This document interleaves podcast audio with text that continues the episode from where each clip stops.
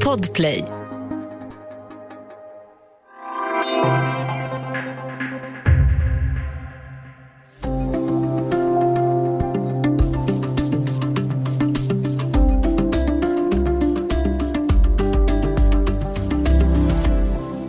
Lördag hålls finalen i årets Eurovision efter ett års uppehåll. Det är musik, en del pandemi och en del politik och mycket nerver. DN bevakar finalen på plats i Rotterdam och från Stockholm. Välkomna till Studio DN. Jag heter Sanna Thorén Björling.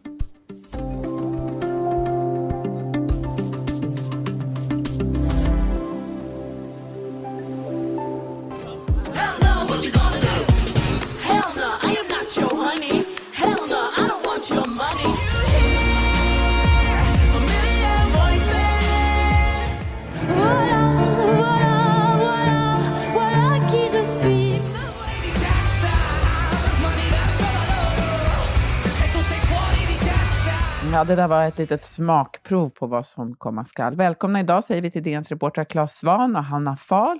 Ni är veteraner här och ska lotsa oss igenom finalen. Hej! Hallå! Hej, hej. Claes, du är någonstans i närheten av Ahoy Arena i Rotterdam, där finalen skulle ha hållits förra året, men nu blev det av kända skäl i år istället. Du, hur eh, är det där du är? Har du sett någonting på arenan? Hur ser det ut? Ja, jag tänker lite på hur det var i Tel Aviv och Lissabon då, som jag minns sin, inte så långt tillbaka i tiden. Det var väldigt stor säkerhet. Det var beväpnade eh, poliser med ganska tung, kraftig beväpning som bevakade allting. Och det är inte riktigt lika eh, tillspetsat här som det var speciellt i Tel Aviv. Utan det är, det är lite mer avslappnat och eh, det finns ett övergångsställe som är utanför arenan. När man går över det så spelar den Waterloo med ABBA varje gång, så det blir grön gubbe. Vilket känns väldigt trevligt för oss svenskar.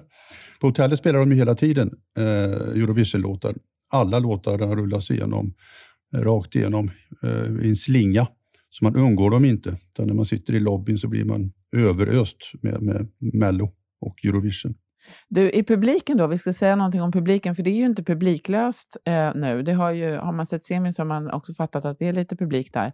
Vem, är det för, vem sitter i publiken? Ja, det är 3500 personer som får komma in. De får köpa biljett och de ska alla ha gått igenom ett PCR-test eller ett snabbtest som har visat sig negativt och de kommer att testas både före och efter för säkerhets skull. Det är bara nederländsk publik, det finns inga fans från andra länder. Eh, och det här blev ju klart i april då, eh, att man skulle ta in publik på arenan överhuvudtaget. Och när jag pratade med Martin Österdahl som är eh, den högste nu då, svensken då, som leder hela Eurovision, så var han väldigt glad över att det blev så här. Han ville verkligen ha publik och det vill ju alla ha givetvis, så det kommer ju att bli en stämning. Och de här 3500 de hördes ganska bra redan under semifinalerna. Eh, Hanna, hur är intresset för Eurovision i andra länder?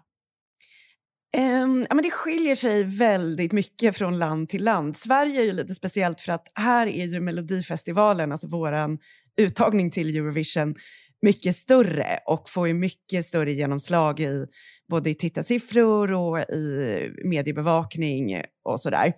Eh, I andra länder brukar det ofta vara tvärtom, att eh, den lokala uttagningen har en lite mindre roll. Ibland har de inte ens en tävling utan tv-bolaget väljer bara en artist och att det finns lite större intresse för Eurovision.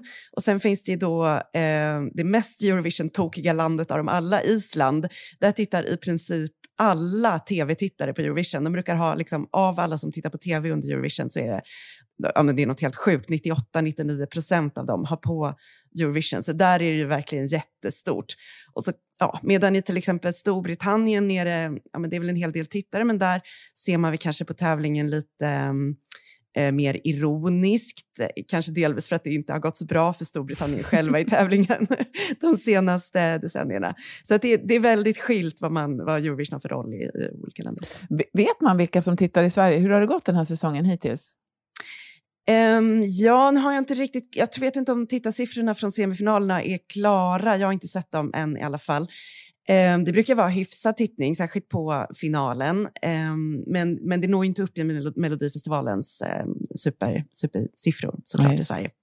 Och på lördag är det alltså final. Eh, Sverige medverkar genom 19-årige Tusses låt Voices. Vi kommer till den senare.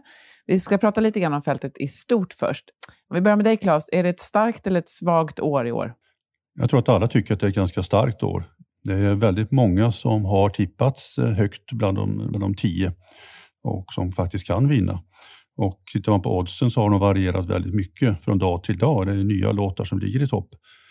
Eh, så att jag känner också att det här är ett starkt år med rätt så många bra låtar som har goda chanser. Mm. Vad tycker du Hanna?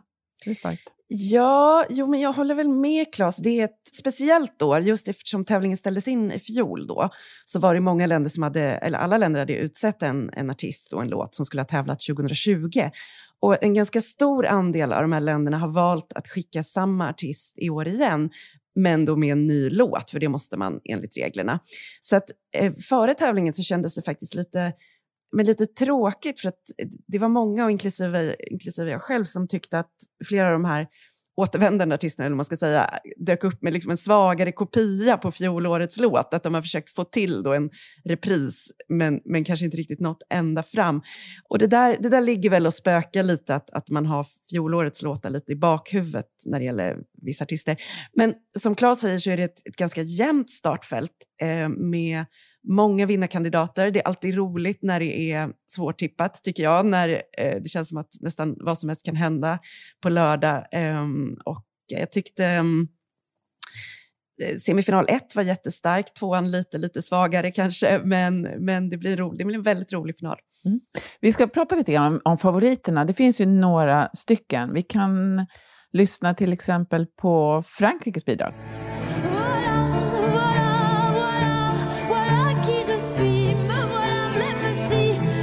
Nu c'est fini. C'est ma gueule, c'est mon cri. Me voilà, tant pis.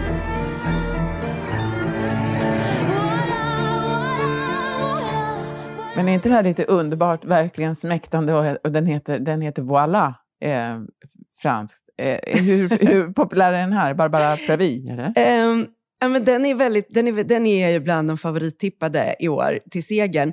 Personligen så tycker jag nästan att det här går över gränsen och blir för fransk, om du förstår vad jag menar. Jag förstår vad du menar. man nästan väntar på att det ska materialisera sig någon baguette eller någon tricolor ur tomma intet.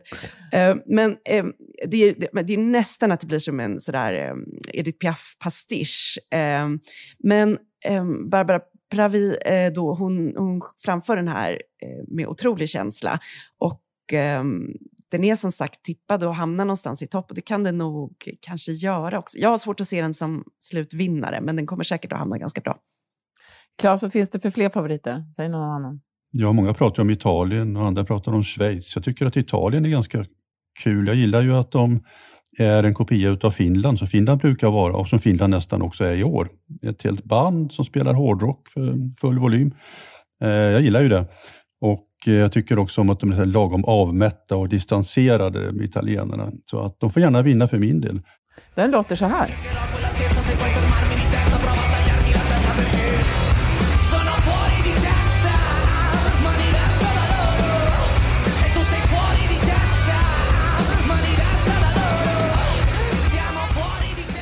Ja, det är hårdrock. City e Buoni.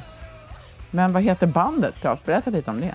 Måneskin, ja, det är ju lite lustigt. Då. Det är ju Måneskin, ja. en av tjejerna i bandet då, som eh, har dans påbrå. Så döpte man helt enkelt det här till Månsken. Jag undrar hur många italienare som kan uttala det här namnet egentligen på sitt eget band. Vilka mer är favoriter, eh, Hanna? Ja, men förutom då Frankrike och Italien som har nämnts väldigt mycket i förhandsnacket så har Malta varit där uppe eh, också och nämnts som en favorit. Eh, det är... Ehm, jag tycker att den låten påminner lite i sitt, kanske i sitt tema framförallt om eh, Netta från Israel som vann med Toy. Nu är det Destiny som sjunger eh, Shemekas och det är, också en, ja, men vad ska man säga, en lite girl power-låt. Ehm, och eh, den har varit med väldigt mycket i förhandsnacket. Det är lite roligt att flera av de här favorittippade också är länder som inte eh, har vunnit, antingen som inte har vunnit alls tidigare, eller där det var otroligt många år sedan den vann. Det här gäller ju både då Frankrike, Italien och Malta, så det, är, det är en lite rolig detalj. Jag tänkte, du nämnde också att du gillar Ukraina. Vi kan väl Ja. vi kan lyssna lite på den?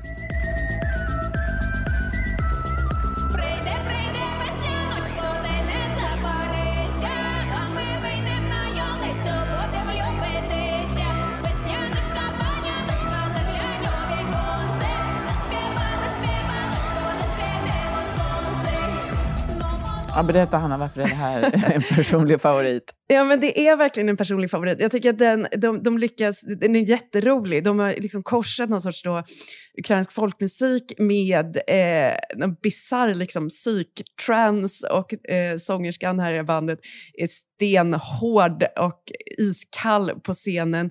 Och Eh, den här har faktiskt, det, är ett lite udda musikaliskt uttryck, men udda musikaliska uttryck har ju faktiskt belönat sig de senaste sådär, fyra, fem åren i Eurovision. Och det, det brukar vara det som tittarna är ute efter, och gärna med lite då inhemsk prägel och så. Så att jag tror att den här kan ligga ganska bra till i finalen också. Vi ska alldeles strax prata mer om Eurovision-finalen och Sveriges bidrag.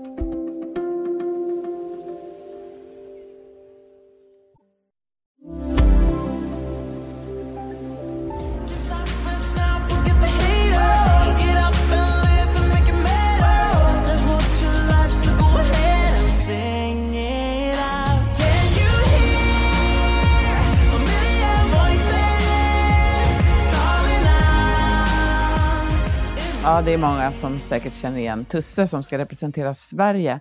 Vi pratar idag i Studio DN med Hanna Fahl och Claes Svan om Eurovision och finalen. Du Claes som är i Rotterdam, hur är det med Tusse och hans form egentligen? Det var ju prat om hans eh, hals och rö- röst.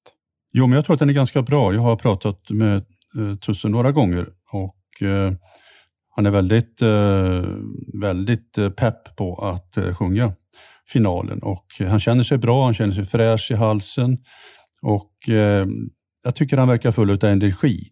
Och jag har också pratat med eh, några av låtskrivarna bakom eh, Voices då, och eh, Jimmy Joker Törnfeldt och Anders Wrethov till exempel har jag pratat med och båda två säger att den här killen är så oerhört lätt att arbeta med. Han är så ödmjuk och eh, positiv. Han har en fantastisk röst och de, de ser att han kommer att placera sig högt. Ingen vågar nog tro att han ska vinna. Eh, Det tror väl inte jag heller, men eh, vem vet? Vi kan väl hoppas lite tycker jag. När man tittar på favoriter och så, eh, hur mycket är själva låten och hur mycket är framträdandet och allt annat som inte är musik? Alltså man måste ju komma ihåg att eh, vi, vi som är Eurovision-nördar, vi sitter och liksom har koll på alla de här låtarna i månader i förväg. Men den allra största delen av eh, tit- tittarna som ser finalen, de har inte hört de här låtarna överhuvudtaget förut. Och ehm, självklart spelar det in eh, dagsform, eh, hur direkt låten är, hur det ser ut på scenen. Det är ju tre minuter som ska övertyga Europa. Det går inte att komma runt det. Så att alla de här beståndsdelarna måste ju finnas med. Det måste, det måste låta bra, det måste se bra ut, det måste finnas känsla och liksom det här ogreppbara, magiska som ofta handlar om att Europa får upptäcka någonting, upptäcka någon, en ny favorit, en, en ny typ av musik, en ny låt. Um, så alla de här grejerna måste ju finnas med. Sen kan man väl säga att oddsen brukar, om man tittar så här på spelbolagens odds och liksom förhandsnacket, de brukar stämma hyfsat. Vinnaren brukar komma därifrån någonstans. Eh, Topp 5-6 i oddslistan eh, dagarna före. Just det. Eh, det. Men det är ju inte bara musik heller. Det finns ju alltid lite politik i Eurovision. Det kommer liksom oundvikligen så. Temat för det här evenemanget i år är Open Up. Hur ska man tolka det, tycker ni? Eh, vad säger de i Rotterdam, Claes? Är det pa bara pandemin och nu lämnar vi den? Eller är det även någon slags Open Up eh, mot någon slags protektionism? Jag tror det är väldigt mycket att pandemin ändå är på väg då kanske att övervinnas åtminstone tillfälligt och att samhället kan öppna igen. Och det, jag tror att det är det som ligger bakom detta, att man har väntat ett helt år på att äntligen få visa Europa och världen Eurovision igen och att samhället då efter Eurovision tar ett steg till in i ett, ett öppnare samhälle igen där vi kan träffa varandra, vi kan kramas och vara som människor igen faktiskt. Hanna, hur är det med det här ryska bidraget? Eh, kan man tolka in några politiska ställningstaganden där? Det har varit prat om det. Ja, det, är inte några öppna politiska ställningstaganden såklart i det ryska bidraget. Det är inte tillåtet eh, enligt reglerna. Eh, men det ryska bidraget, Manisa som är artisten, hon har fått utstå ganska hård kritik hemifrån från liksom, nationella ehm, eh, grupper i Ryssland. Hon är väldigt öppet eh, hbtq-vänlig. Hon har i sitt framträdande en videovägg i bakgrunden med eh, en mängd olika eh, kvinnor, ryska kvinnor, bland annat som inkluderar eh, transpersoner och eh, gaypersoner. Och det här har ju varit ett väldigt medvetet ställningstagande från hennes, från hennes del, att hon vill, eh, vill ju göra ett statement med den här låten. Men det har inte varit helt okontroversiellt på hemmaplan. Annars, det mest politiska med årets Eurovision har ju utspelat sig före tävlingen eh, och det handlade om Vitrysslands bidrag som blev diskat för att de hade, eh, tolkade man då, ett, ett öppet politiskt regimvänligt Eh, eh, budskap i sin låt. Eh, de fick bakläxa, fick skicka in ett nytt bidrag. Även det bedömdes vara för politiskt och eh, de blev till slut då diskade från tävlingen. Claes, vad säger andra reportrar om du har hunnit prata med någon på plats från andra länder till exempel? Vad, vad är det för olika snackisar? Är, det, är politiken intressantare, eller pratar man mer om om det här är ett coronasäkert evenemang? Eller vad pratar man om? Man pratar nog mer om evenemanget faktiskt just nu och om artisterna än, än politiken. Eh, jag tror att de flesta är överens om att eh, det kommer bli ganska spännande, att man inte vet säkert vem som kommer att vinna, utan att det blir en strid på målsnöret.